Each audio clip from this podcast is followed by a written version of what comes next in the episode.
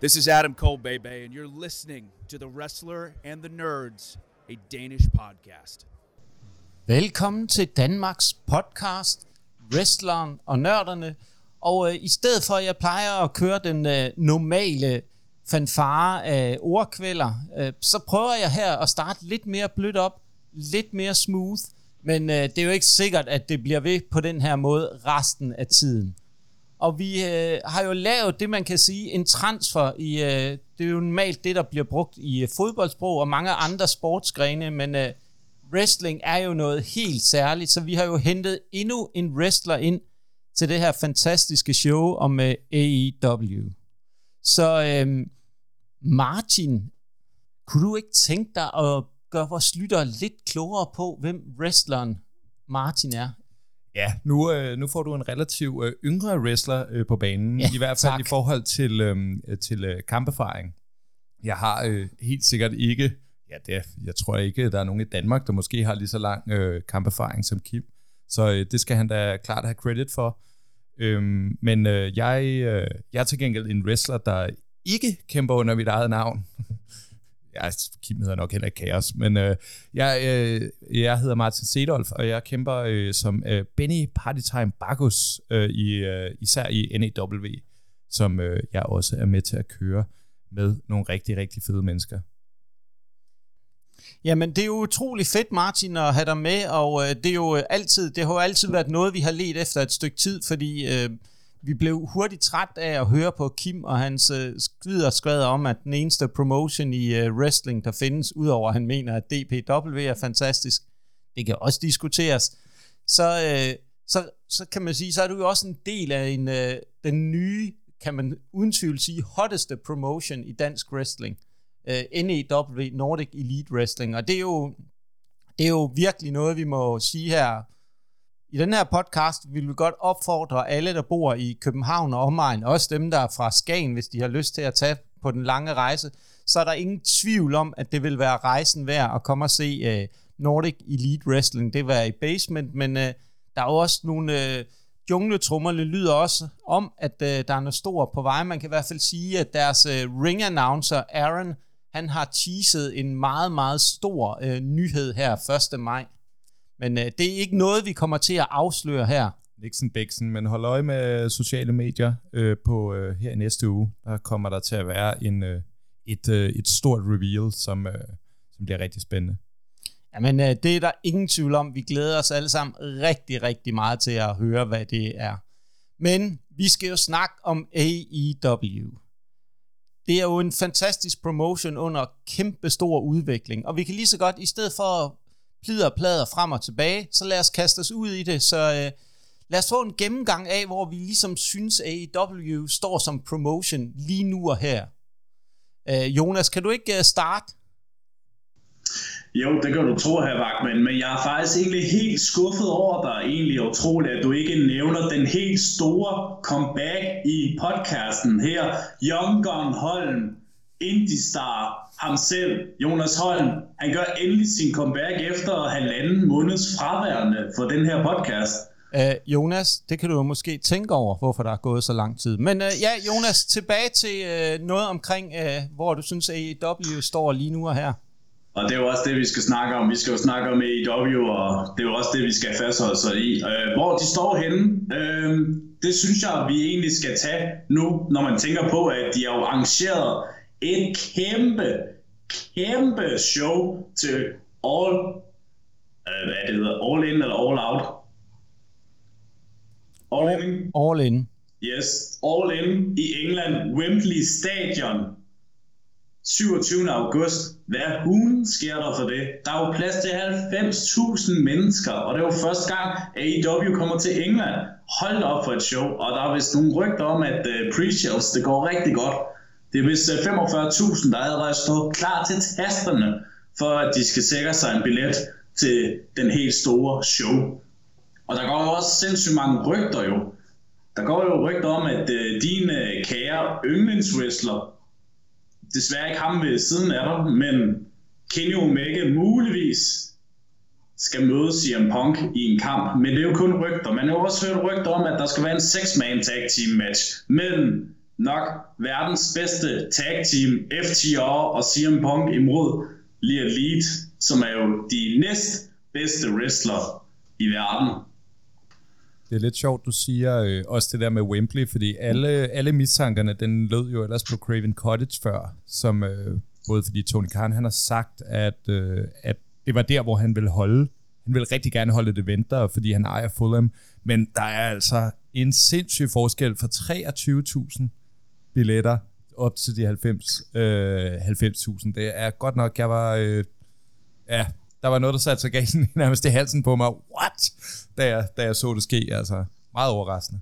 Men du skal også uh, tænke på, at Fulham Stadion, det er jo bare sådan noget gamle rådstadion. Altså, der er jo ikke nogen, der gider holde wrestling der jo.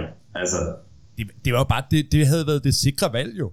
Altså, det har der, han, han, havde, han, havde, han havde fået det gratis, og han kunne, have, han kunne have testet vandet. Så jeg synes fandme det modigt, at man, i stedet for at man tager det sikre, øh, sikre valg og siger, men øh, vi kan nok godt sælge 20.000, man så bare siger, nej, nej, nej, nej, nej, nej, nej. Alle chipsene ind. All in. Lige præcis. Og der er jo ikke nogen tvivl om, at øh, det er noget, vi kan lide. Vi kan godt lide, at folk, der ikke går i små sko, der tør at stille sig helt op og, og blive skydeskive for alt. Og der er jo ikke nogen tvivl om, at man har set flere steder på Facebook, sociale medier og andre steder, at folk de nærmest griner af Tony Khan. Men der er ikke nogen tvivl om, at øh, jeg tror, de undervurderer lidt det engelske wrestling-publikum. Hvor sultne de er efter nogle store event. Du kan, hvis man bare kigger på Clash at the Castle, som lå i Wales af alle steder, hvor de har solgt fuldstændig udsolgt 65.000 billetter. Her ligger det altså spot on London. Super tilgængelig by. Der er muligheder fra hele Europa, hele verden om at flyve hertil. Og billetpriserne afspejler i den grad også, at vi har altså, vi taler altså om mænd, der ønsker at fylde Wembley, og, og i den grad give den midterste finger til samtlige andre, der kommer til at, der har grint af det her. Men jeg synes også, der egentlig har været sådan snak om, at øh, de skulle lave en kæmpe, kæmpe scene, øh, udenbart med tegninger, vi har set jo. Jamen, de kan, ikke, øh, de kan ikke lave en stor scene i den forstand. Nu er jeg, var jeg jo til WrestleMania. Jeg tror, der er ikke nogen tvivl om, at øh, det er jo også vigtigt i forhold til antallet af dem, de kan have øh, inde på selve Wembley. Det kommer også til at blive afspejlet på et eller andet tidspunkt af, hvordan det er, de sætter den her scene op. Altså, det kunne være klart fedt, hvis det blev episk, men, men, men, men for mig, der tror jeg altså godt, at deres performer kan bære det hele i sig selv. Øh, jeg, vil, jeg vil hellere have, at de bruger energien på at få det der solide kort op at køre. Det tror jeg, det vil jeg være personligt selv mest glad for. Jamen, der er ikke nogen tvivl om, at øh, Martin, du har fat i noget der, fordi kortet er så alfa og omega vigtigt i den her sammenhæng i forhold til at få netop få skabt hypen, få skabt det der med, det er det her folk kommer til at snakke om hele sommeren, det er det her, vi bare går og venter på skal ske. Og der har de jo nogle rigtig, rigtig store trumfer. Man kan mene, hvad man vil om CM Punk, og man kan synes, han er dybt usympatisk, og alle de rygter, der går omkring det ene og det andet. Men hvis du skal fylde Wembley, og det er jo også som Erik Bischoff har selv siger, klart og tydeligt, så har, er der kun et kort, der er vigtigt for AEW at kunne spille, og det er CM Punk-kortet. Det tror jeg er meget, meget vigtigt. Men det kan godt være, at I to mm. er, ikke er helt enige med mig, men uh, det, det er i hvert fald min klare holdning. Men er det ikke også vigtigt, at I ikke altid er enige i podcasten her? Det, at, jeg kan godt komme og være uenig, Nikolaj, hvis det er det.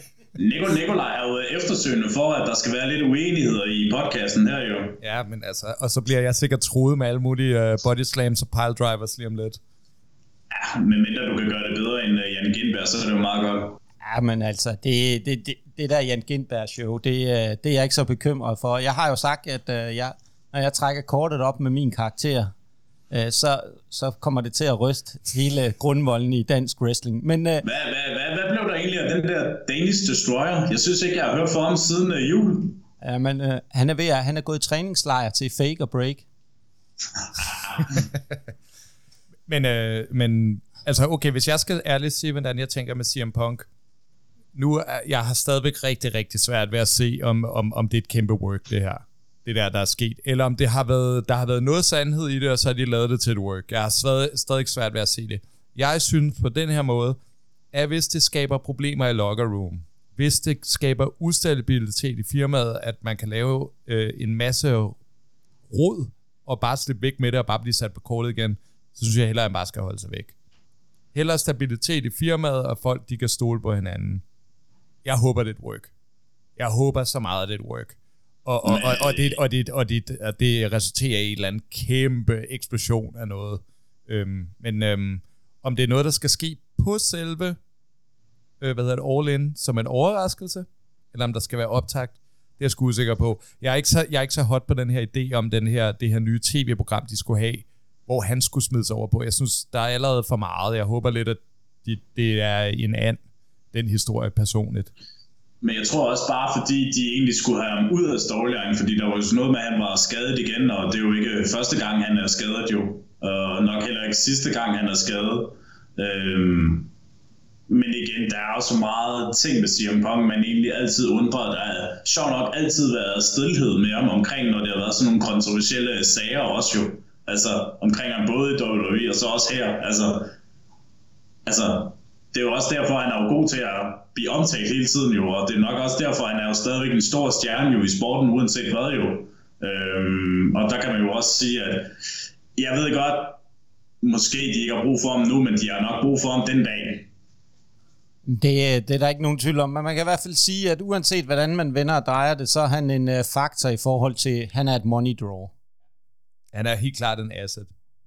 Men øh, lad os lige prøve at komme tilbage til, Jonas. Nu har du rigtig godt indledt med din gennemgang af, hvor du synes, at AEW står pt. Men øh, Martin, du skal jo også have lov til ligesom at sprede lidt øh, guldglans. Ja, altså nu troede jeg, at vi var på, på vej over i øh, faktisk All In. Men, øh, men øh, der, hvor AEW står nu, øh, i min bog, der synes jeg, at de står, øh, de står med sindssygt mange potentielle muligheder. Her snakker jeg ikke bare om, om, om All In, og for den sags skyld All Out, der kommer bagefter, eller Forbidden Door, altså de her store PPW's. Jeg synes generelt på ugenlig basis, så laver de nogle storylines på nuværende tidspunkt, som delvis kan være svære at regne ud, og øh, nummer to, har potentielt rigtig, rigtig mange udgange. Og det, det gør de, fordi de, de har så mange folk, der kan interagere med hinanden. Sindssygt gode til at få deres øh, performer til at interagere med hinanden, og de er sindssygt gode til også at gøre meget af det i ringen. Jeg synes, de er sindssygt gode til at fortælle historierne i ringen, øh, så vi faktisk får lov til at se noget wrestling, som er noget af det, jeg savner ved WWE. Hvis du sidder og kigger på minuttal, hvor meget wrestling får du lov at se, og hvor meget øh, ja, storyline opbygning, eller whatever vi nu skal kalde det ved siden af, så synes jeg stadig, at AEW kommer, de leverer langt mere for seeren. Og det er jo en af de ting, og det er jo det, der er en smagssag i forhold til netop, hvad er det, man gerne vil med wrestling. Og det er jo nok derfor, at AEW har været rigtig gode til at tabe ind. De har haft en lille nedgangsperiode, ved nogen mene. De har haft lidt svært ved at finde deres ståsted, hvad for en retning de skulle gå i Ring of Honor, blev ikke ordentligt integreret til at starte med, men nu er de ligesom fået lagt, kan man sige, asfalten til en vej, der går, hvor motorvejen er der. Nu er det altså bare at køre afsted, fordi netop det der med, som man godt kan blive træt af lidt uge efter uge, det er de der backstage overfald, der kommer, som vi ser gang på gang i WWE. Her er overfald altså inde i ringen, inde ved publikum, inde hvor tilskuerne er, der hvor det er, vi gerne vil se wrestling, og give wrestling til dem, der er her for, og ikke et eller andet kamerahold, der render rundt ude på parkeringspladsen, eller et eller andet sted i et eller andet omklædningsrum. Det er sjovt nok en gang imellem, men det er ikke sjovt hver gang. Mm-hmm. Vi, vi vil have wrestling ind i ringen. Der hvor vi, jeg i hvert fald godt selv personligt kan lide den. Men, men det, er jo, det er jo også altid det. Det er jo det, AEW, de leverer et andet produkt end WWE, og det er, øhm, det er uden tvivl rigtig, rigtig fedt. Jonas, du havde noget, du lige ville uh, tilføje. Skal, ja, okay, bare tilføje øh, først. Ja, øh, to ting. Undskyld, hvis min øh, mikrofon ikke lige virkede i første omgang. Jeg kom til at indstille den lidt forkert. Det er bare lige til, jeg lytter, for nu har jeg indstillet det okay igen. To, øh, det er sjovt, du nævner omkring det der med, øh, det der, der sker for meget ud i ring, og det fordi jeg fik jo lektier for, ifølge dig jo, i forhold til, at jeg skulle høre Dax's øh, podcast, øh, FTR-podcasten. Øh, han nævner også, at der er alt for meget det der, der, der sker uden for ringen. Øh, også hvor man helst skal se det inde i ringen, fordi det er jo der storyline har været allermest det, der også omhandler det, også for opmærksomheden. Det er også det, der, du ved, skaber det godt, ikke? Og det tror jeg også, det flest, nu kan jeg huske omkring uh, Body Slam, de har også egentlig været meget gode til, at tingene foregår i ringen, og så lige pludselig, ud af ringen, men du kommer hurtigt ind igen. Ikke alt det der brawl, det der, det kan jeg også godt forstå ham, fordi folk er kommet for at se wrestling, folk er ikke kommet for at se brawls kampe, ellers skal man skulle switch over og se noget MMA, siger MMA-nørden her. Men også, også øh, hvis man skal tænke rent øh, teknisk på det, fordi uh, nu kommer wrestleren frem i den, eller måske lidt mere skråstreg promoteren. Hvis du har gået ind og købt en billet, jeg går ind og køber billet til et stort WWE-show, halvdelen af tiden, så bliver jeg nødt til at gå op og sidde og kigge på en jumbotron og alle mulige valg, folk laver ude bagved, eller øh, folk løber ud og laver brawl, hvor jeg overhovedet ikke kan se, hvad der foregår. Hvor meget synes jeg så, jeg har fået for billetten? En meget, meget dyr billet, vel at mærke. Det er jo ikke billigere til WWE-shows. Jamen, det er netop rigtigt. Det er øh, produktet, der er anderledes, og Gud skal takke og lov for det. Men lad os prøve at tage gå skridtet videre. Nu synes jeg, vi har været godt omkring de der forskellige ting, der lige har været, vores, hvor vi synes, at AEW står lige nu. Der er ikke nogen tvivl om, her er der faktisk lidt enighed, selvom jeg ved godt, Jonas, jeg siger en gang imellem, at uenighed er godt. Øh, at AEW står et rigtig godt sted. Må jeg komme med en lille pointe, fordi der er noget, vi heller ikke lige har snakket om her. Vi kommer sikkert ind på det senere. Men en af de ting, som jeg synes, der er rigtig, rigtig stærkt ved AEW nu, det er også, at de ikke er så bundet op på kontrakterne med deres wrestlere. Og det kan godt være, at folk ikke fatter det, at det er ikke sådan, at folk de ikke må kæmpe for andre firmaer. Folk kan godt være med GCW, folk kan godt være med øh, Lucha Libre AAA, øh, folk kan godt tage til Japan og kæmpe kampe. Det er okay at gøre det i, i, i forhold til Tony Khan. Og på samme måde, så betyder det også, at de andre firmaer, de er også villige til at arbejde sammen med, øh, hvad hedder det, med AW, ikke? Altså, nu har du så haft uh, Hero Del Vikingo inden, du har haft Commander inden, der, du, har, du får mulighed for at få folk ind, se hvordan reagerer de på publikum, og så sign dem, ikke? Altså, så de, de får jo alle de hotteste navne i min bog lige nu, altså, uden tvivl. Ja, en vi måske glemmer Martin i den sammenhæng, det er jo den gode Bandido, jo, som allerede er blevet en integreret del af det, som jo også har vist sig i den grad, og vi så det jo senest der på Dynamite, er jo en exceptionel wrestler, som ikke minder om noget af det, de har i forvejen. Han kommer med noget nyt, han kan tilføje noget ekstra, han kan give nogle ekstra kanter, og dermed kan han også være med til at løfte niveauet for de wrestlere, der allerede er i promotion, fordi de netop skal lære at forholde sig til en ny stilart. Kæmpe scoop. Bandito, kæmpe scoop.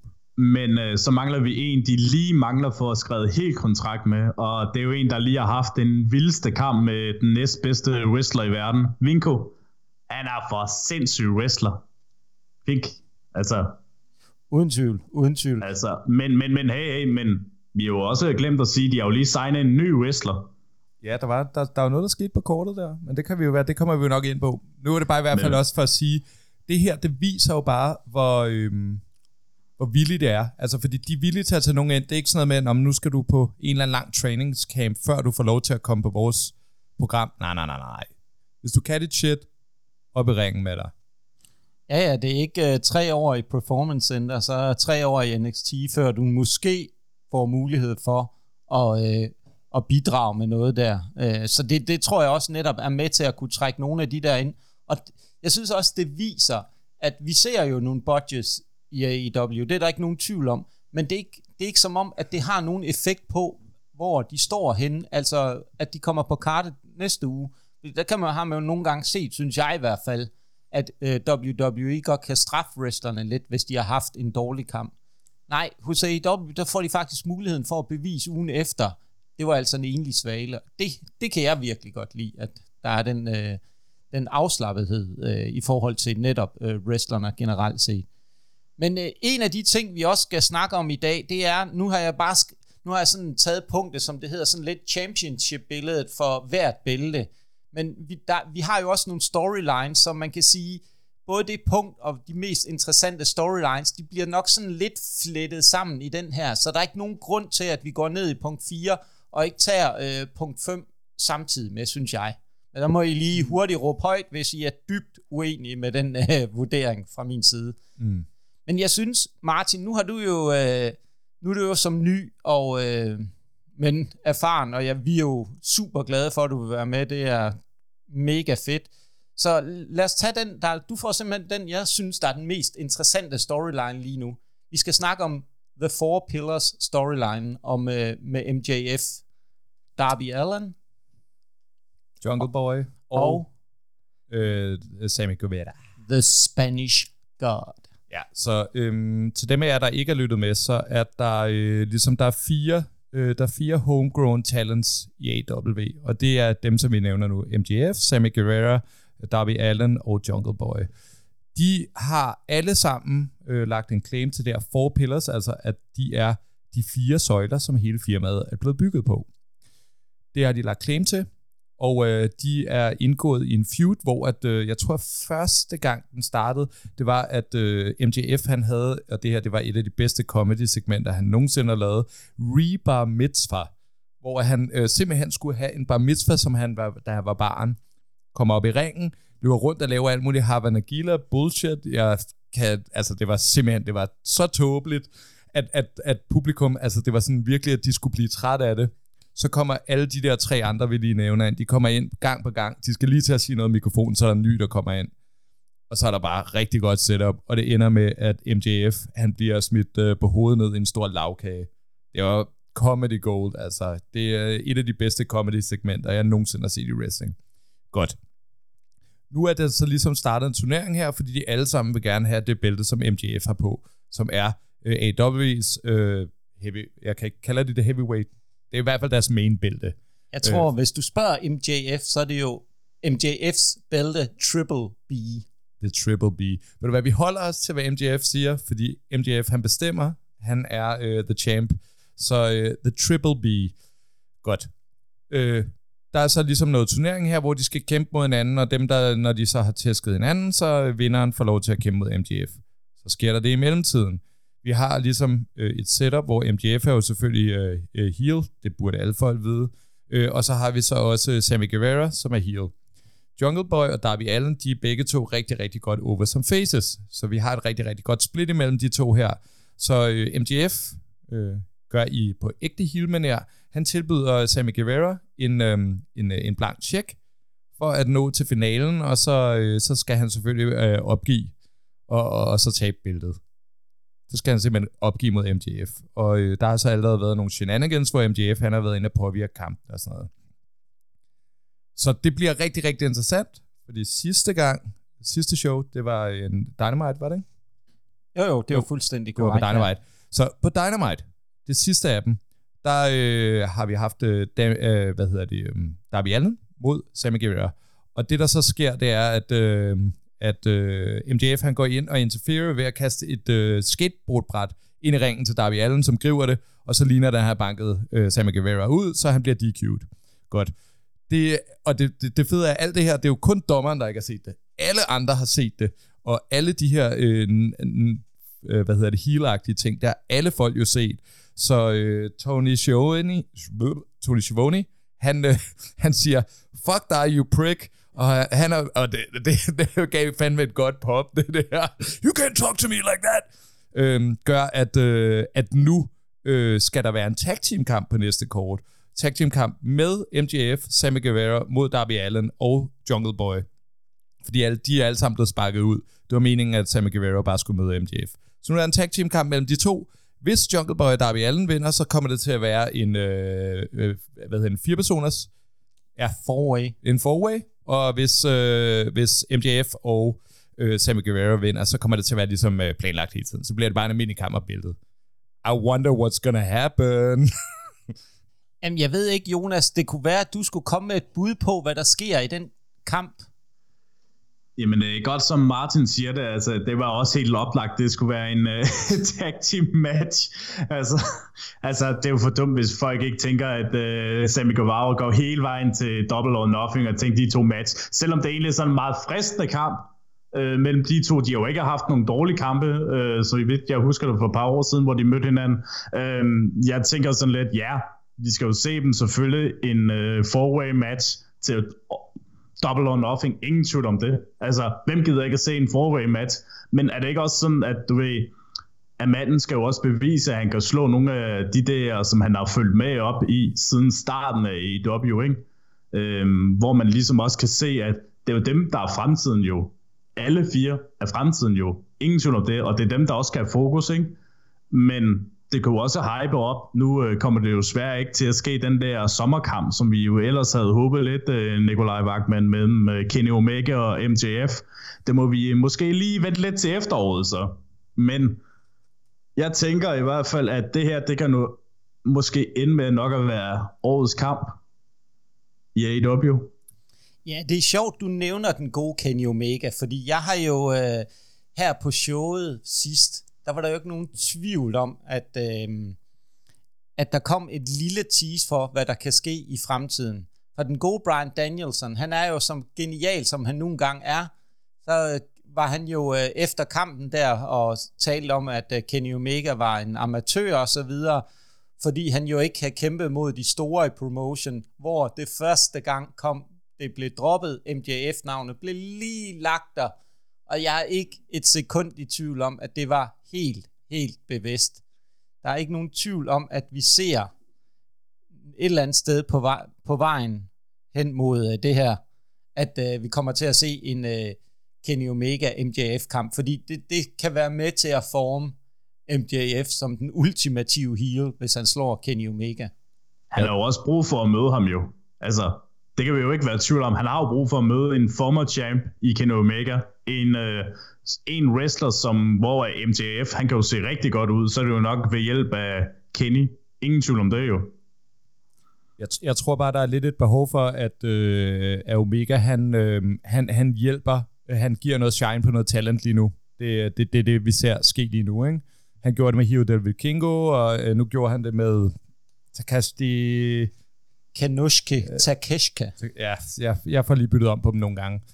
Som fik et mega rub på, øh, på, på det sidste kort. Jeg tror, det er vigtigt, at Omega også har den rolle, at han kan, han kan simpelthen give det der shine videre til noget af det nye talent, der kommer ind. Og det virker. Jeg synes, det virker. Det gør det. Der er ikke nogen tvivl om, og det er jo også det, der bliver spændende at se, hvordan de får lavet den der four-way-kamp rigtigt, øh, når vi skal se den her. Øh, og det er jo også noget, vi allerede nu godt kan afsløre over for jer lyttere. Vi også kommer til at dykke meget nærmere ned på og kigger nærmere på, når det er, vi kommer dertil, når det, den, øh, det pay-per-view kommer nærmere sig. Men, men det er jo også det, der netop er vigtigt, fordi det er jo noget af det, som også var diskussionen, nu kommer vi til at vende tilbage til CM Punk alligevel, diskussionen om, at CM Punk ikke var villig til at give det shine til de øh, nye og unge wrestlere. Så det bliver spændende at se, om han har øh, haft godt af den, øh, den ferie, eller hvad man kan kalde det, og blevet lidt klogere på den del, fordi det håber jeg virkelig er en af de ting, som Tony Khan har været meget specifikt omkring. Vi vil gerne have dig tilbage, men der er altså også bare nogle ting, du skal gøre i det her, fordi det er det, jeg bygger, man kan sige, fremtiden på i AEW. Det er altså de talenter, jeg har, og dem er der rigtig mange af i AEW lige nu. Men kunne det virkelig passe, at han var i Raw i mandags? Ja, ja, det var han. Det er der ikke nogen tvivl om. Okay, modig mand. Han er jo bare selv i scenesættende. Det er jo uh, CM Punk reklamestunt. Ja, jeg tror også bare, han gør det for at få lidt... Øh, der, der, der skal noget pressemateriale på. Men som Nikolaj siger, han bliver, nød, han bliver nødt til at samarbejde bedre med EW. Han kan ikke bare komme ind og sige, at jeg skal bare headline hver gang. Det er ikke mentaliteten bag firmaet. Og han kommer til at tabe på det. Altså, seriøst, det er derfor folk, de elsker nogle af de folk mere end noget andet, altså som Omega og, og, og Danielson i, i AW. Det er fordi, de er villige, de er villige til at gøre det, fordi de, de elsker wrestling. Ja, det gør de, det gør de. de øh, der er så stor kærlighed til wrestling øh, på Kenny Omega og nogle af de andre også. Og jeg synes også, det virker også til, at Young Bucks, selvom de ikke er så øh, kan man sige, helt færdige nu, så er de også i hvert fald påtager sig mere og mere den rolle i forhold til at få nogle tag team over og virkelig pull, altså sætte noget star power bag ved øh, Kanoshke Takeshka, øh, ved at de alle sammen nærmest indlemmer ham i The Elite. Det er, der tror jeg næsten ikke, du kan få større skulderklap i øh, AEW end det. Så, så jeg tror, det er, meget, det er jo meget fint. Det er i hvert fald, at vi kigger frem mod, hvad er det, der venter os til den her, øh, det næste pay-per-view. Det bliver i hvert fald et spændende punktum eller spørgsmålet er, om det bliver et punktum for den øh, four pillar storyline, som vi kommer til at se til Double or Nothing. Hvis du spørger mig personligt, så håber jeg ikke, det bliver et punktum, fordi jeg synes, der er rigtig, rigtig meget mere endnu. Nogle twister endnu, du kunne køre Darby Allen op mod, Øh, op mod Jungle Boy, du kan skabe noget der, eller så videre. Så der er masser af muligheder for, at de skal gøre sig fortjent en gang til. Så Der, altså, jeg synes også allerede her i det her tilfælde, hvor han snakkede øh, med Jungle Boy, der synes jeg jo, at der har været en del sådan noget, he- der, der er lidt heal, heal hit på, på Darby Allen nu. Øh, det er ikke sådan, han er ikke entydigt face PT, og, og vi ved jo alle sammen, at, øh, at Sting, han har jo sagt, at han stopper efter i år. Så, øh, så jeg kan godt forestille mig, at der ikke kommer måske direkte switch, men, men vi kommer til at se hans karakter blive noget, noget andet, end den er nu. det kunne måske være rigtig spændende for sådan en som Darby Allen, det der med, at hans ansigt er delt, og så bruge det i forhold til personligheden også, at han er splittet, at han sådan switcher lidt rundt. Jamen, han blev, fik jo vasket det hele væk under sidste kamp, så der er også et interessant øh, touch der. Der er i hvert fald uden tvivl rigtig, rigtig mange spændende muligheder i forhold til Four Pillars. Og nu, nu har vi jo været lidt inde på mændene og hovedsageligt snakke om den mandlige del af AEW. Nu synes jeg ligesom, det er vigtigt at tage fast, fat i den omkring kvinderne. Det øh, kan man sige titelbæltet, som lige nu hos kvinderne er på øh, Jamie Hader. Og man kan sige, om det er på Jamie Hader eller Britt Baker, det er lidt underordnet, hvis du spørger mig. Det tror jeg er også mere, fordi Britt Baker også netop påtager sig den rolle og forsøger at få pushet Jamie Hader frem, som de uden tvivl også ser noget i. Og de er jo, kan man sige, feuder med The Outcasts, som er rigtig interessant. En sammensætning af tre rigtig, rigtig spændende karakterer. Saraya, som, eller Saraya, som de har fået tilbage, har vist sig at være holdbar. Det var nok min største tvivl i forhold til hendes øh, skade, hun havde. Og så har vi øh, Ruby Soho, som jeg faktisk altid ikke har haft det bedste forhold til. Men jeg synes faktisk, endelig kommer der noget karakter. Der kommer noget kendt på hende. Det synes jeg, hun har manglet. Hun har bare været sådan lidt en øh, rebelagtig type. Nu er der altså noget øh, bid i hende. Det er godt, det er godt at hun turner heel. Det er et godt touch for hende. Og så øh, Tony Storm også. Er også meget bedre som heel. Har noget, øh, de har noget fanden i voldskade. Det, det, for mig fungerer det rigtig godt, for de har sådan en god erfaring. Altså en, der virkelig er over med Britt Baker. Altså, de elsker mm. hende jo publikum. At, hun, at de kan spille op mod hende. Det, men jeg synes, der, der, hvor det, der hvor den halter en lille smule, hvis jeg skal være sådan en lille smule kritisk, og det kan jeg jo godt lide en gang imellem at være, så er det jo, at øh, Rebel, som jo er det tredje ben i det der Britt Baker, hende ser vi ikke så meget nu. Vi har ikke rigtig set hende wrestle så meget. Der kunne jeg godt tænke mig, hvis jeg sådan skal virkelig være hård, der at få hende noget mere på banen. Men Jonas, hvordan ser du det kvindelige billede her? Jamen, jeg ser det som, at, øh, hvad kan man sige, at øh, vi har jo en, øh, vi har jo en spændende en, altså igen, man kan jo også tydeligt se, at de mangler jo en, en mand mere, eller undskyld, hvis vi skal lige køre 2023-stil, vi mangler en kvinde mere i den her feud her, øh, så der er hele tiden spekuleringer, skal de bruge en tredje kvinde til at få hjælp til at besejre Outcast, for at overkomme Outcast, men så er det der, der er en interessant rygte, der er gået i gang jo, fordi øh, Mercedes Manon, hun har jo umiddelbart, hvad jeg kunne forstå, wrestlet sin sidste kamp i Japan, og ikke har lavet en kontrakt med dem, så det er jo også en, muligvis en lille teaser, måske for, at hun kan komme over til øh, promotion her. Igen, det er jo kun tankemæssigt, at hun kunne komme over og hjælpe dem jo. Altså fordi, jeg kan ikke rigtig sådan lige helt forestille mig, som du også siger selv, Rebel, hun er jo ikke wrestler-wrestler, altså hun er jo oppe i 40'erne, og måske ikke lige har den samme energi, som hun havde engang. Øh, jeg skal også være ærlig og kende, at øh, ikke særlig mange kampe, jeg har set med Rebel, fordi jeg mindst kun, jeg har set hende i uh, Impact Wrestling, og så også uh, lidt få i AEW, men igen, Momon vil da også give 100% mening for at få lidt det der starstruck ind i uh, Division, som de jo stadigvæk lidt mangler endnu, synes jeg. Altså, udover Brett Baker og er jo 100% stjernen i kvindernes AEW. Altså, det må vi jo ærligt at sige jo. Altså, hvem ellers? Udover, jeg ved godt, du vil sige Jade Cargill, men øh, jeg, jeg, jeg, og jeg må Nej. ærligt sige, ja, sorry, Prøv lige at men sige jeg det, prøv lige må- at sige det, Nikolaj. Ej, hold nu op. Så jeg overhovedet kampen i... Øh, så jeg overhovedet kampen med hende og Tyre Val- Ja, Valkyrie. jamen, den, kommer vi, den kommer vi til senere, tænker jeg. Der er jo, Ja, der er jo blevet andet billedsnak. Ja, der er masser af snak endnu. Ja, men du skal ikke sidde og være... øh, Ja, ja, No ja. spoilers. Ja, no Jeg- spoilers, ikke? Altså, jeg vi skal, spoiler ikke, jeg er bare frustreret, og det kommer vi senere til. det skal du ikke være. Men, Det skal du øh, ikke jo. være. Men jeg synes, dit bud er godt. Jeg tror, jeg tror dog, at man venter til det helt ideelle tidspunkt, og så venter til at forbinde Dore med at få, øh, med at få Mercedes Monet ind. Hun, har, hun er vist ikke helt færdig med kontrakten, men hun har sådan nogle løse kampe, øh, som hun sikkert godt kan købe sig ud af, hvis det endelig var. Men, men, Hvornår men, altså, er det Forbidden Door? Det er august. Ikke? Ah, Forbidden Door, det er i juni. Er det nej, juni. nej, nej, nej, nej, juni. Så vi har endda, vi, ja. det, det, det, er, det er under tre måneder. Det, altså, den er helt oplagt.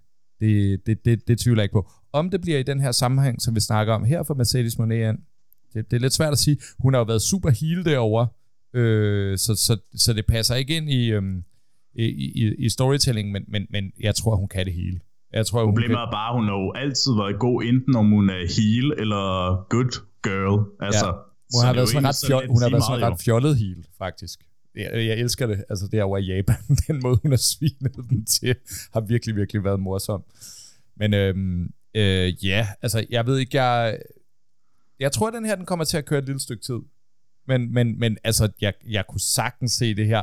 Gå direkte til, til Forbidden Door, øh, og så få måske have nogen ind imellem, der sådan, de prøver at få en tredje mand ind, de kan ikke rigtig få det til at fungere, eller de stikker dem i ryggen, eller et eller andet.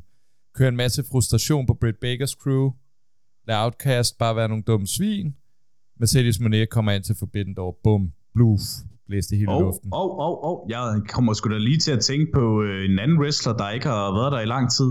Hvad fanden er det, hun hedder? Hende der, der har været med i CM Punks øh, gruppe, det der Society Edge, eller hvad fanden det nu hedder. Hvad fanden var det, hun Straight hed? Edge Society. Ja, hvad fanden var det, hun hed? Hende, der var der lige pludselig med øh, Britt Baker og Rebel og... Hvem fanden var det, hun hed? Jeg melder pas. Ja, den må jeg, den må jeg også melde pas på. Ah, men har hun ikke lige wrestlet? Okay, jeg undersøger lige. Snak bare videre. Okay. Men øh, jeg synes, vi har meget godt rundet den her af, i hvad for en retning den øh, går i den her spændende storyline. Og så kan vi jo lige så godt når vi snakker om Britt Baker, så kan vi jo heller ikke undgå at snakke om Adam Cole. Kom. Lige præcis. Ham har jeg jo mødt øh, personligt. En meget øh, sympatisk mand, der brænder for wrestling. Det er der ikke nogen tvivl om. Men øh, det, skal, det er jo ikke det, det skal handle om, hvor sympatisk og søde og rare vi synes, vi er. Adam Cole er vendt tilbage. Super, super spændende. Og øh, så skal vi lige huske at sige, at de begge to, øh, jeg ved ikke, øh, det er jo i hvert fald relevant, men den her, er det, hvad hedder det, øh, den her Heart Foundation turnering kommer igen, som de begge to vandt sidste, sidste år. Så det er bare mere relevant i forhold til de to. Ja, Jonas, du rækker hånden op. Sanaya Deep, selvfølgelig. Ah, Serena Deep. Det er ja. rigtigt, ja. ja, ja. har man skulle da glemt helt op, jo. Ja, men hun var the professor of pro wrestling. Hun er, jeg ved ikke, hun er gået ind deep cover. Præcis. Nå, fortsæt. Men uh, lad os kigge på Adam Cole. Uh, Martin, hvordan ser du den feud, efter han er kommet tilbage, som han er i gang med med Chris Jericho? Altså, da han kom tilbage, kæmpe pop, ikke? Der, der har ikke været mere større interesse for ham nu. Og så, jeg ved ikke, han har jo ikke altid været sådan nødvendigvis øh, face. Altså, han ikke i hvert fald i, i W-sammenhæng. Han er over nu. Altså, sindssygt over. Altså, folk, de, er, de er helt på, når han træder ind. Øhm, feuden, den var jo øh, den var lidt interessant, fordi her, især her på sidste kort, der endte den jo i et kæmpe brawl i ringen. Øhm, og der var... Øh, der endte der med at komme en, en, en hemmelig ind. De var øh, fem, fem folk for øh, Jericho Appreciation Society, der bankede på... Øh, først så bankede de på Adam Cole, så kommer, øh, hvad hedder det, øh, så lige pludselig så kommer øh, Orange Cassidy og Bandito, som har kæmpet mod hinanden som den første kamp på kortet, de lige pludselig blevet bedste venner og kommer løbende ind. Det kan man sige virker lidt underligt, men de havde faktisk en rigtig god afslutning på den kamp, så det gav sgu alligevel god mening. Og så havde vi en fjerde mand, havde vi ikke? Eller var en femte mand? Hvem vi havde, havde en uh, fjerde mand, der, der var uh, i hvert fald ikke øh, kendt indtil nu i AEW. Det var den gode Roderick Strong, tidligere stjerne hos uh, NXT. Og alligevel er der jo en god forbindelse til Adam Cole, fordi han var jo en del af The Undisputed Elite, en uh, fraktion, der var meget uh, dominerende gennem længere tid hos øh, NXT.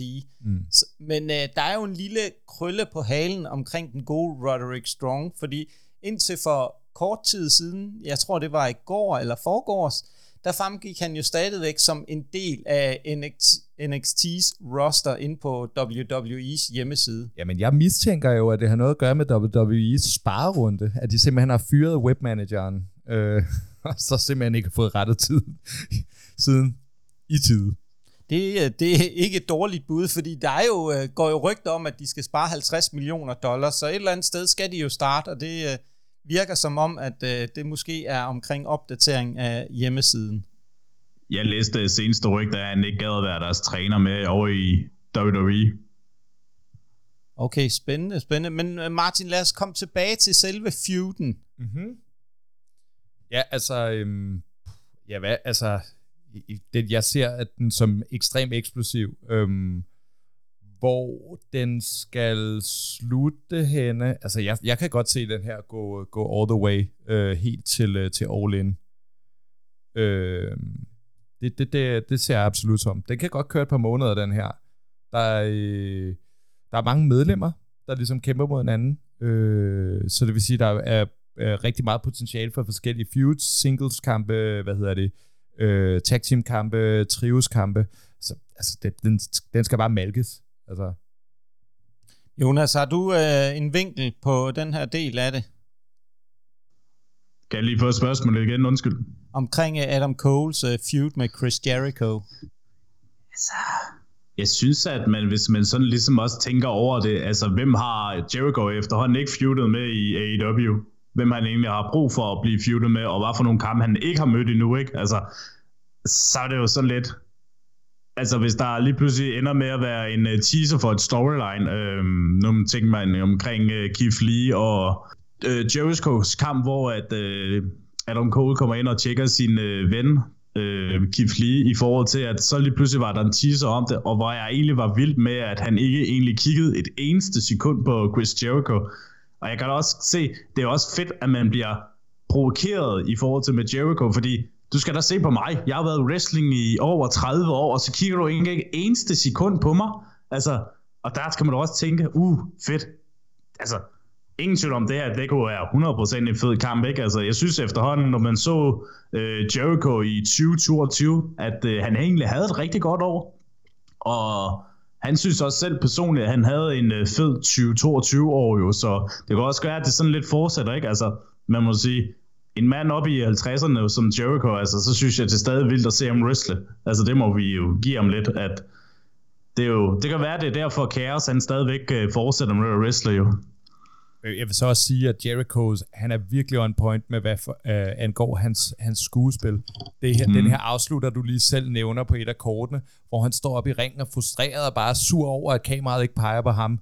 Altså, det var uh, virkelig, virkelig godt sat op, og det er ikke det eneste tilfælde. Jeg synes virkelig, han formår at give... Uh, have noget dybde i sin, sin karakter, og han, er, han formår også at gøre det for andre folk, så han ligesom hjælper folk ind i nogle storylines, der ikke bare er øh, jeg er sur på dig, fordi at du har engang slået mig, eller whatever.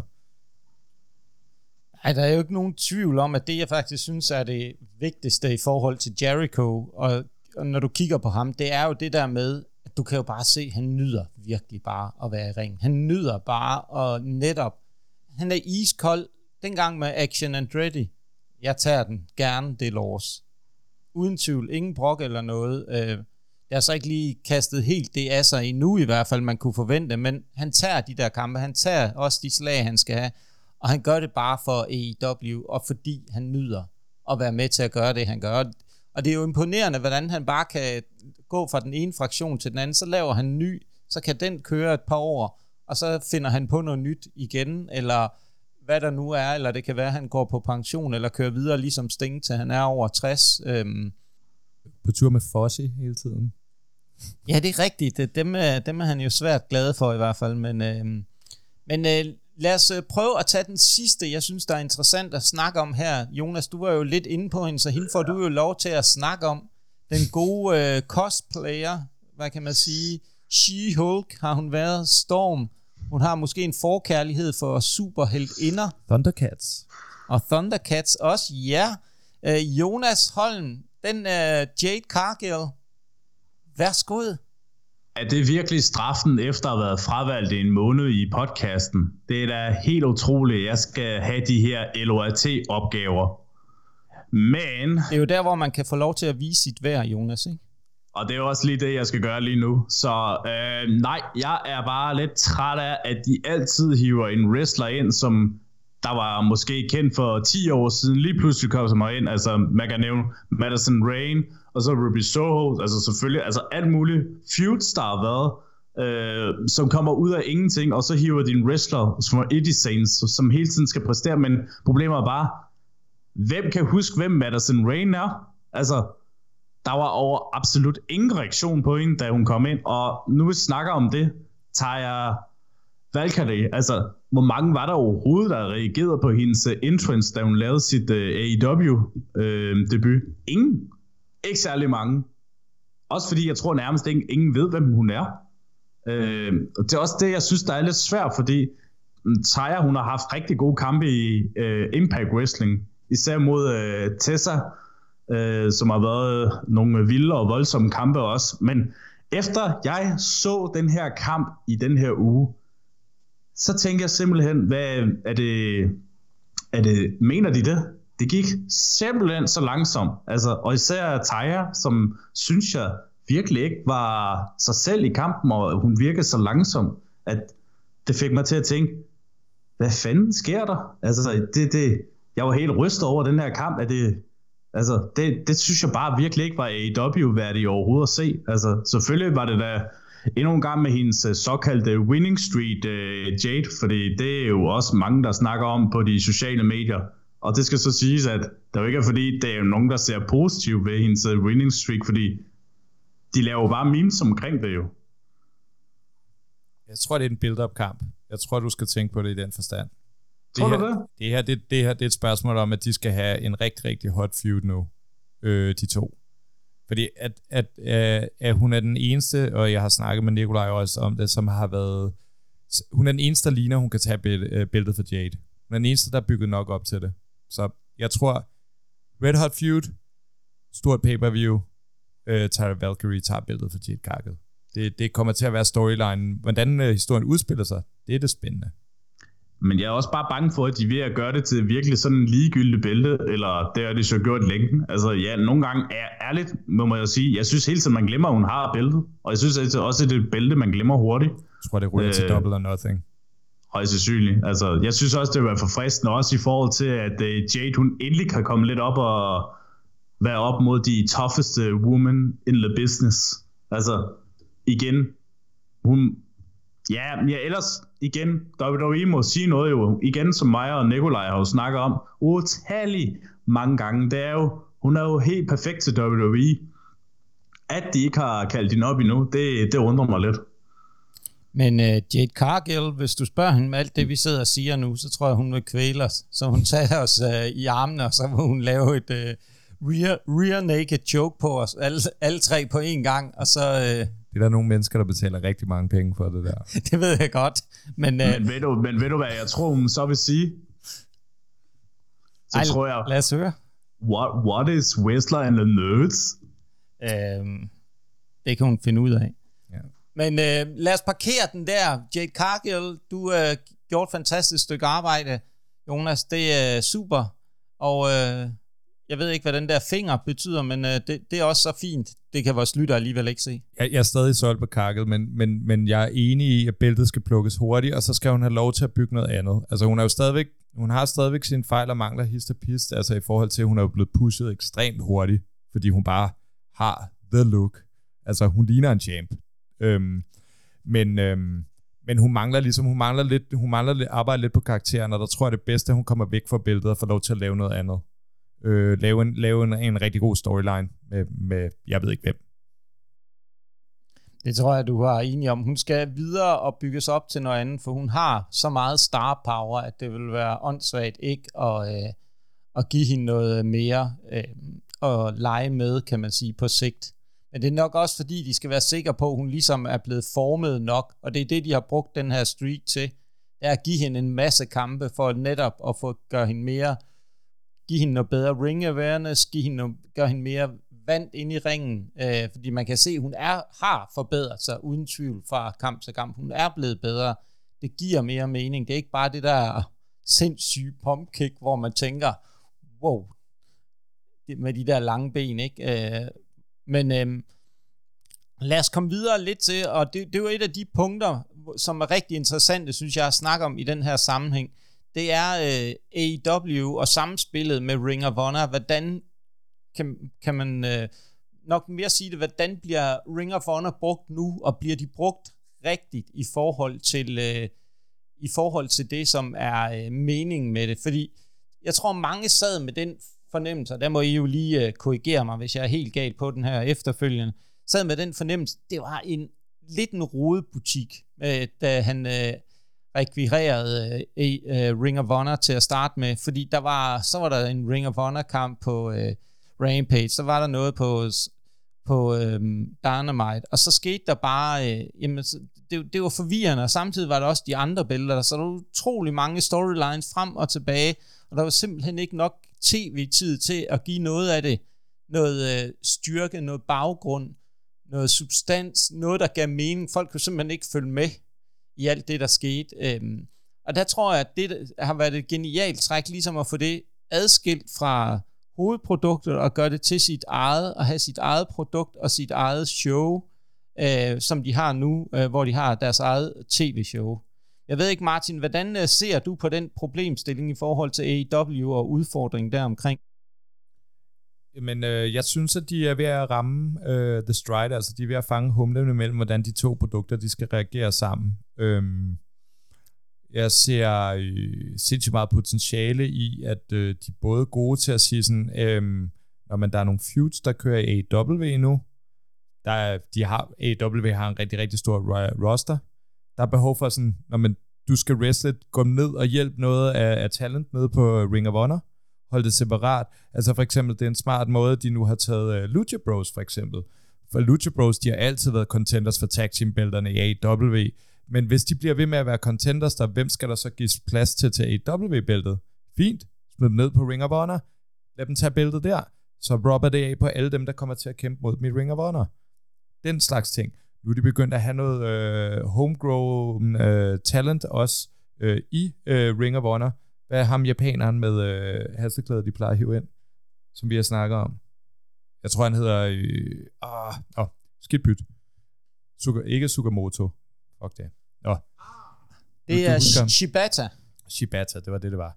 Øhm, og, øh, men også øh, nogle andre talents. Nu har jeg set øh, øh, to-tre gange øh, kampe med ham her, Gringo Loco, leverer skide godt i Ring of Honor. Øhm, de har haft, øh, efter de havde øh, Hio Del Vikingo på, øh, øh, la Omega give ham en masse rub af på AEW, så er det sådan, gå lige ned og tage nogle kampe ned i Ring of Honor, Bare sådan, nu har du kæmpet mod the big shit. Nu gå ned og så kæmp med nogen, der sådan lige på samme grad, så vi lige kan rub lidt af på hinanden, og vi lige kan vende os til at arbejde sammen.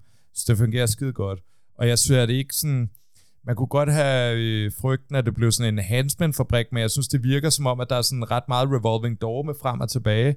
Når man så tager lige øh, tre måneder af W, tager lige et halvt år i øh, Ring of Honor, alt efter, hvad ligesom det rigtige behov er, og, og, og hvad der giver mening. Jeg ved ikke, Jonas, hvad er dit øh, synspunkt på det samme spil?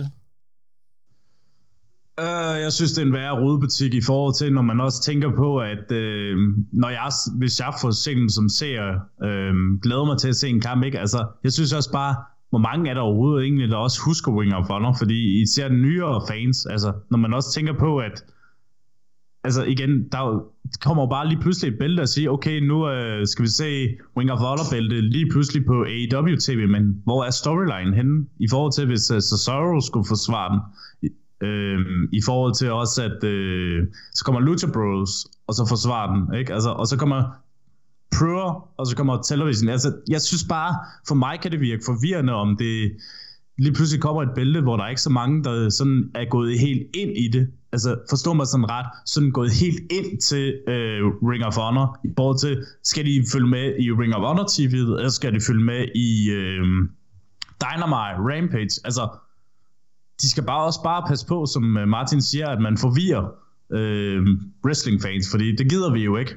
Lige på hårdt, hold nu bælterne der, og have nu fokus på øh, Ring of Honor tippet, fordi det skal jo give mening det hele. Altså, det er jo ikke fordi, altså, man kan jo sige, det er jo, jeg tror også, det er okay på et tidspunkt, at øh, de sådan giver slip på øh, Claudios øh, bælte også, ikke? Altså, så de ligesom kan holde fast i det, ikke? Altså, vi skulle jo heller ikke se en Roman Reigns, der har to bælter, som han øh, skal forsvare hele året, ikke? Altså, men som ikke øh, forsvarer hele tiden, ikke? Altså, forstå mig ret, det er bare som fan kan det være helt forvirrende, og jeg synes bare, at de egentlig bare skulle holde på bælterne på selve showet af Ring of Honor. Også fordi, hvis de også skal bygge sig op på øh, øh næste pay de har til sommer.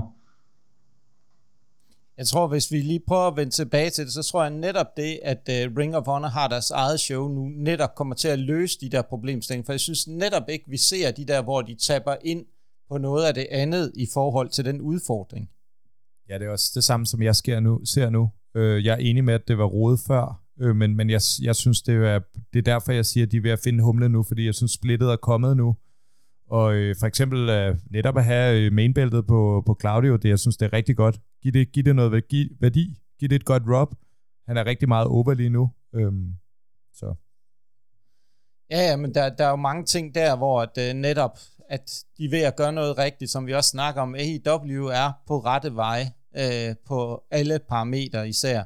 Men en af de ting, som også er utrolig spændende at snakke om, synes jeg, det er jo samarbejdet med de andre promotions derude. Her har vi jo i hvert fald set, at øh, der er en del samarbejde med New Japan Pro Wrestling og Triple A øh, fra Mexico, som også er øh, helt sikkert en spændende, spændende promotion, hvor der er ingen tvivl om, at netop Hijo del Vikingo og øh, Commander, som du også var inde på tidligere, Martin, øh, kommer fra, som er jo sindssygt spændende talenter, så de har jo en helt anden, kan man sige, rækkevidde nu, hvor de får mixet deres roster meget mere op med meget mere øh, alsidighed. De er også villige til at bytte over. Øh, nu både Omega kan, har set, at han har en kamp i AAA nu, og øh, han var jo også over i, øh, i New Japan øh, for ikke så lang tid siden. Altså, øh, jeg mener bare, at den, den går two-way, ikke? Øh, AW er også villig til at samarbejde på, på den anden front. Jeg ved ikke, Jonas, hvordan ser du samarbejdet fungere med de andre promotions? Altså, jeg har altid været fan af, at de har lavet deres øh, samarbejde med New Japan Wrestling, fordi jeg synes også, det er meget fristende at se de der japanske wrestlere. De kan noget, ikke? Altså, der er vi jo altid sådan vidst, at de kan, ikke? Altså, især at det jo altid vådest drøm at have Okada over til AEW, som vi jo også så i sidste år i øh, uh, Forbidden Door. Altså, jeg synes også bare, det giver lidt boost, ikke? Også til de amerikanske fans, fordi der kan du tydeligt også godt mærke, at de elsker de japanske wrestlere, også fordi de får så meget respekt øh, for publikum. Øh, hver eneste navn, der også øh, kommer frem og det. Altså, jeg må ærligt sige, at øh, Suzuki, han... Øh, han er, han er jo altid en øh, oplevelse at se sig selv, altså i forhold til også med de wrestlere der. Altså, jeg glemmer aldrig en kamp med ham og Brian Dennison, hvor de bare smækkede hinanden til, eller ham og Eddie Kingston. Altså, det er jo i sig selv også øh, underholdende at se på jo. Øh, det er der ingen tvivl om. Øh, I forhold til med AA, AAA, øh, jeg synes, det er fristende at se sådan nogle talenter som Bandito og Vikingo og Ja, hvad er der ellers? Øh, Dagalisto, er det det her nede? Der er lige sko. Jo, men altså igen, jeg synes altid, det er fristende at se nogle af de meksikanske, ikke? Altså, fordi de har jo gjort det godt. Også uh, Rush, for den sags skyld, også, øh, som er jo rigtig gode øh, meksikanske wrestler. Altså, også bare det der, man, man du ved, at verden føler sig velkommen i AEW også. Man laver de her forbedden over, det synes jeg er så fedt at se, at øh, de laver det, og det synes jeg også bare, de skal blive ved med at samarbejde med dem, fordi jeg synes altid, de giver sådan lidt øh, frisk pust øh, for altså, amerikansk wrestling for generelt jo. Altså, det er jo også noget af, at WWE godt kunne have sådan lidt ære til. Altså, det seneste, jeg synes altid, der har været, det var dengang med Jusen von der han endelig fik sin WWE-debut, øh, ikke? Altså, det var så lidt goosebump i øh, følge her Holm ham selv. Nu nævnte du her tidligere, Jonas, øh, Okada, og øh, Okada er jo lidt en speciel størrelse lige pt, fordi rygterne går jo på, at Okadas kontrakt med New Japan Pro Wrestling, den er mere eller mindre ophørt eller tæt på at ophøre. Han har i hvert fald tidligere teaset ret kraftigt, at øh, det kunne godt være, at hans veje gik en, eller hans retning blev en anden end uh, New Japan Pro Wrestling. Så det kunne jo være, at vi til All In, måske som vi også uh, lige har rundet tidligere, uh, kunne se Nokata dukke op i en eller anden uh, sammenhæng. Så det, det, det er i hvert fald spændende på, og jeg tror også, hvis jeg skulle sådan sige det, og skulle, uh, nu skulle jeg være promoter for Okada, det ville ikke være dårligt for ham, hvis det skete, uden tvivl, så øh, kunne Okada have rigtig, rigtig godt af at blive prøvet af et andet sted.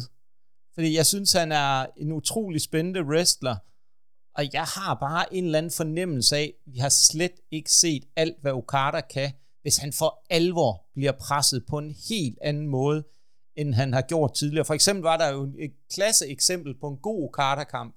Det var, da han var op mod Jay White. Og hvor er Jay White lige nu? Han er jo i AEW. Han bliver også spændende at følge. Ham har vi faktisk slet ikke været inde på. Men øh, han bliver jo også rigtig spændende at følge. Øhm, så jeg, jeg synes, der er nogle ting der, der godt kunne pege i retning af, Okada kunne godt på sigt ende i øh, uh, AEW. Øhm, det, vil ikke, det vil ligge godt i tråd med det, der er sket. Men uh, lad os nu se. Jeg kan godt lige lidt, give lidt, øh, lidt på Jay White, fordi jeg synes jo, at det er det, der har været rigtig, rigtig positivt ved det her samarbejde, det er også, at øh, de andre promotions, det er jo ikke sådan noget med, om nu stopper kontrakten, og så forsvinder de. Det, øh, især New Japan Pro har været gode til at give rub til deres wrestler i forhold til øh, samarbejdet. Der er både Jay White, hvor de giver ham en stor storyline, hvor han nærmest bliver forvist både for øh, promotionen og Japan og landet, og jeg ved ikke hvad, for at dukke op. Det er jo, det er jo, det er jo genialt. Make it big. Der er potentiale for nogle rigtig gode storylines med hævn. Altså, hvis øh, nu øh, AEW, de er jo ved at booke en masse japanske wrestler, at han bare bliver sådan en, der bare vil tage øh, japanerne ud, og hver gang der bliver sendt en, en, en ex-New Japan wrestler, så er det bare sådan noget, fuck dig, jeg smadrer dig, agtig ting. At han bare bliver vengeful. Øhm, øh, hvad hedder det, at øh, IGWP øh, øh, tag team bælterne, de rød på Aussie Open. Også et kæmpe rub, der, der, der gør, at de virkelig har fået noget shine, og jeg tror, at de kommer til at få et rigtig, rigtig godt år øh, i, i AW også. Jeg synes virkelig, de er, de er ved at vise øh, rigtig, rigtig god kvalitet. Jonas, har du et par ting, du vil tilføje i den retning omkring øh, netop de her? Nu har vi lige vendt et par stykker af de nye wrestlere. Nej, jeg synes egentlig, vi er meget godt på det i forhold til, at de har, altså som sagt, uh, Jay White, men også uh, Juice Robinson. Uh, jeg er ikke Rock helt, jeg er bare ikke lige helt vild med, at de skal være et tag team lige med det samme. Altså i forhold til, at de prøver at skal skibe lidt væk for Bullet Club her. Men jeg har det sådan lidt... Uh, altså, det holder sikkert et par måneder, og så tøner de mod hinanden. Altså, vi, vi har jo brug selvfølgelig at se, at Jay White skal være top guy i AEW. Altså, du har jo ikke hivet en mand, som er så hyped og var tæt på at skrive kontrakt med WWE, bare for at hive ham ind til at være et tag team. Altså, det er jo ligesom at se et tag team med Keith Lee og Dustin Rhodes. Altså, nu skal jeg lige huske at sige, at det er Bullet Club Gold. Men øh, jeg tror, Bullet Club, my ass. Jeg tror, Altså- nej, jeg tror det, jeg, jeg, jeg, jeg kan godt lide det. Jeg synes, det er sjovt. Øhm, jeg tror, det kan give øh, noget talent i AEW, som måske ikke har så meget storyline lige nu, en mulighed for at dykke ind i. Jeg siger ikke, at man, det skal ikke være sådan, at man importerer hele Bullet Club, men det giver mulighed for at, at lukke nogle andre ind i den der for at Uh, give lidt rub, ja. køre, køre, noget, øh, køre noget feud med en anden faction. Øh, når splittet kommer, kæmpe, kæmpe feud med, øh, med, med Jay White og MJF, der kan være det største svin. Det er, that's the dream. det gik lige et klip op for mig op i hovedet. Det giver jo sgu da god mening jo i uh, Forbidden Door jo. Altså selvfølgelig Bullet Club Gold imod Bullet Club The Original. Det er da sgu da kampen. Det Ja, er da det. Det den er er ikke det, der dårlig. skal ske jo. Den Altså- altså, er ikke dårlig. Men hvem fanden er overhovedet er tilbage i den der klub der over i Japan? Er det ikke, var det ikke noget med uh, David Finley? Altså Fit Finleys søn, han er jo leader nu. Jo, det er fuldstændig korrekt. Han, han, er, han er heller ikke en dårlig wrestler. Han er, han er underholdende. Han leverer. Men altså, der er jo der, der er i hvert fald ikke nogen tvivl om, der er rigtig mange spændende ting, der går i øh, retning af ting og sager nu her, når vi kigger fremad. Og vi har jo... Øh, vi er jo Det var som jeg sagde i starten, der er potentiale for så mange matchups. Der er potentiale for så mange storylines. Jeg synes virkelig, øh, de har nogle stærke kort på hånden for, øh, for 2023 man kan sige i hvert fald, der er måske en del af vores øh, våde drømme, der kan blive opfyldt, så vi ikke bare skal rende rundt og drømme om en masse dream matches i 2023 og gående fremadrettet. Der er i hvert fald rigtig, rigtig, rigtig meget spændende øh, her. Men nu, nu har vi jo sådan egentlig det sidste punkt, og jeg vil egentlig, normalt så vil jeg sige, jamen det var godt, at vi lige vender vejen til double or nothing. Men det synes jeg egentlig bare, vi skal parkere. Og så synes jeg egentlig, vi lige skal tage en øh, lille afslutning her på showet, og øh, Martin, det vil jo være helt oplagt, du ligesom lige knytter på ord til, hvordan har det været at være med og snakke med IW? Jamen nu, nu er jeg jo lidt radiovand i forvejen. Jeg har lavet øh, podcast før og, og lavet en del radioarbejde, så det er jo ikke øh, fordi, at jeg føler mig afskræmt af at sidde foran mikrofonen, men det, øh, jeg synes, det er sjovt at snakke af IW. Jeg synes, at vi ikke engang er kommet rundt om en fraktion af, hvad man egentlig i princippet kunne snakke om. Altså, øh, så jeg ved, at du, øh, hvis øh, tilbuddet stadigvæk står ved magt, så ved jeg jo, at du gerne vil have, at jeg kommer og laver noget predictions til øh, Double or Nothing, og så måske snakke om kortet bagefter.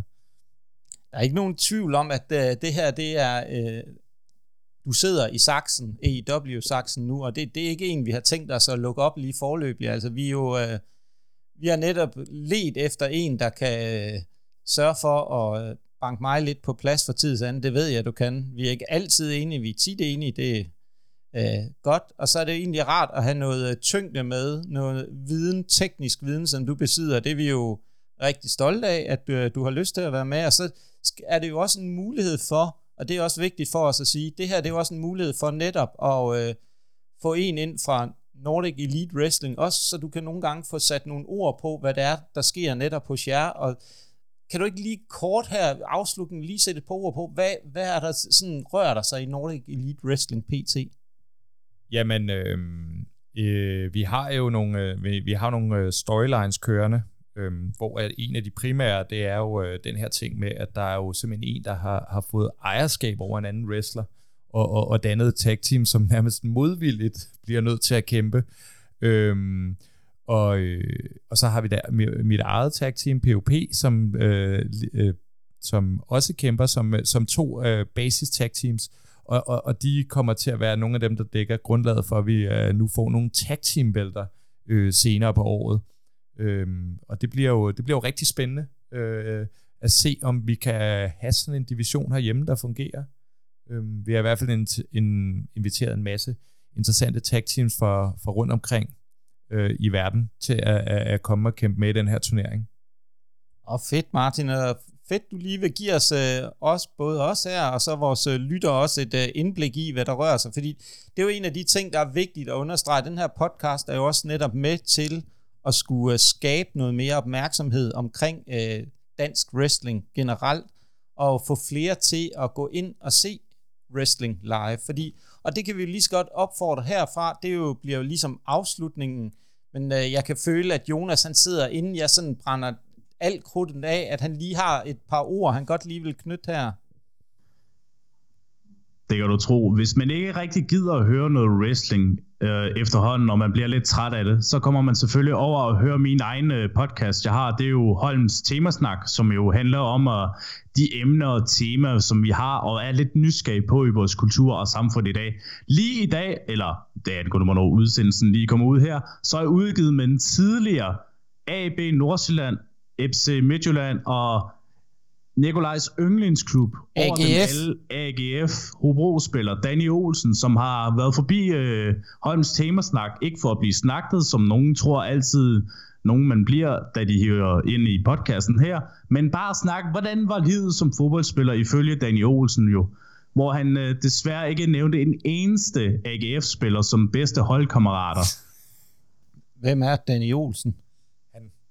En, der var rigtig god for Midtjylland, og egentlig også beskriver tiden, og egentlig nævner mange af de bedste fodboldspillere, han spillede sammen med i især Midtjylland, men også hvordan debuten, nu vi snakkede egentlig om Ripley, hvordan debuten var på det danske herrelandshold i Ripley mod Englands største stjerner. Så hvis I gerne vil høre det, ellers så skal I skrue om lige om lidt i weekenden her, der udkommer jeg MMA på linjen, hvor vi snakker om øh, de seneste danske sejre, der har været i øh, MMA på det seneste, og de senere nyheder, der har været på MMA. Det var MMA på linjen med mig, Jonas Holm og Sebastian Kellerup.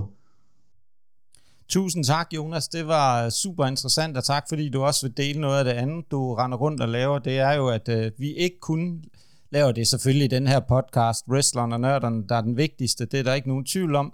Øh, men det vi godt lige vil slutte af med at sige, det er, gå nu ind og se dansk wrestling live. Vi har fire spændende forbund. Vi har Nordic Elite Wrestling, vi har Body Slam, vi har DPW, og så har vi CCW, og de alle sammen har shows her i den kommende tid, så gå nu ind og støt dem og se wrestling live. I vil ikke fortryde det.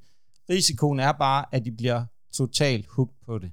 Så øh, kan I have en fantastisk weekend, alle jer dejlige lytter, og så vil vi godt sige tusind tak, Martin, fordi du er med. Vi glæder os til at have dig med en anden gang, og øh, tusind tak til alle jer, der lytter med derude. Jamen, øh, tak fordi I vil være, have mig med her. Øh, og øh, NEW-showet, eller Nordic Elite Wrestling-showet, det er den 20. maj på Basement.